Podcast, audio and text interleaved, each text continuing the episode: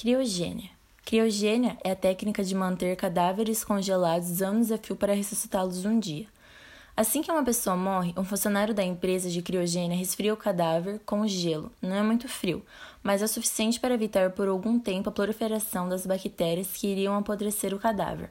O corpo também recebe uma injeção de substâncias anticoagulantes para manter os vasos sanguíneos desobstruídos. No local em que o corpo vai ser congelado, o cadáver passa por um resfriamento gradual em uma câmara de gelo seco. Todo o processo ocorre de maneira lenta e pode durar dois dias. Quando o corpo chega em uma certa temperatura depois do resfriamento, ele é submergido lentamente em um tanque de nitrogênio até ser totalmente coberto.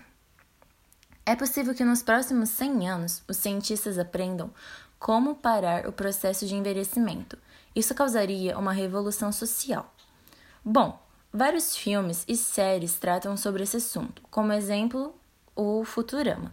Futurama segue a vida em, de um moderno entregador de pizza americano chamado Fry, que se encontra aumentado mil anos depois de ter sido congelado criogenicamente por acidente.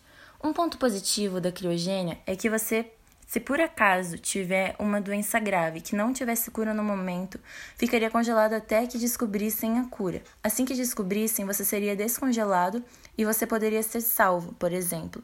E um ponto negativo é que os cientistas não sabem se você voltaria com a memória invicta.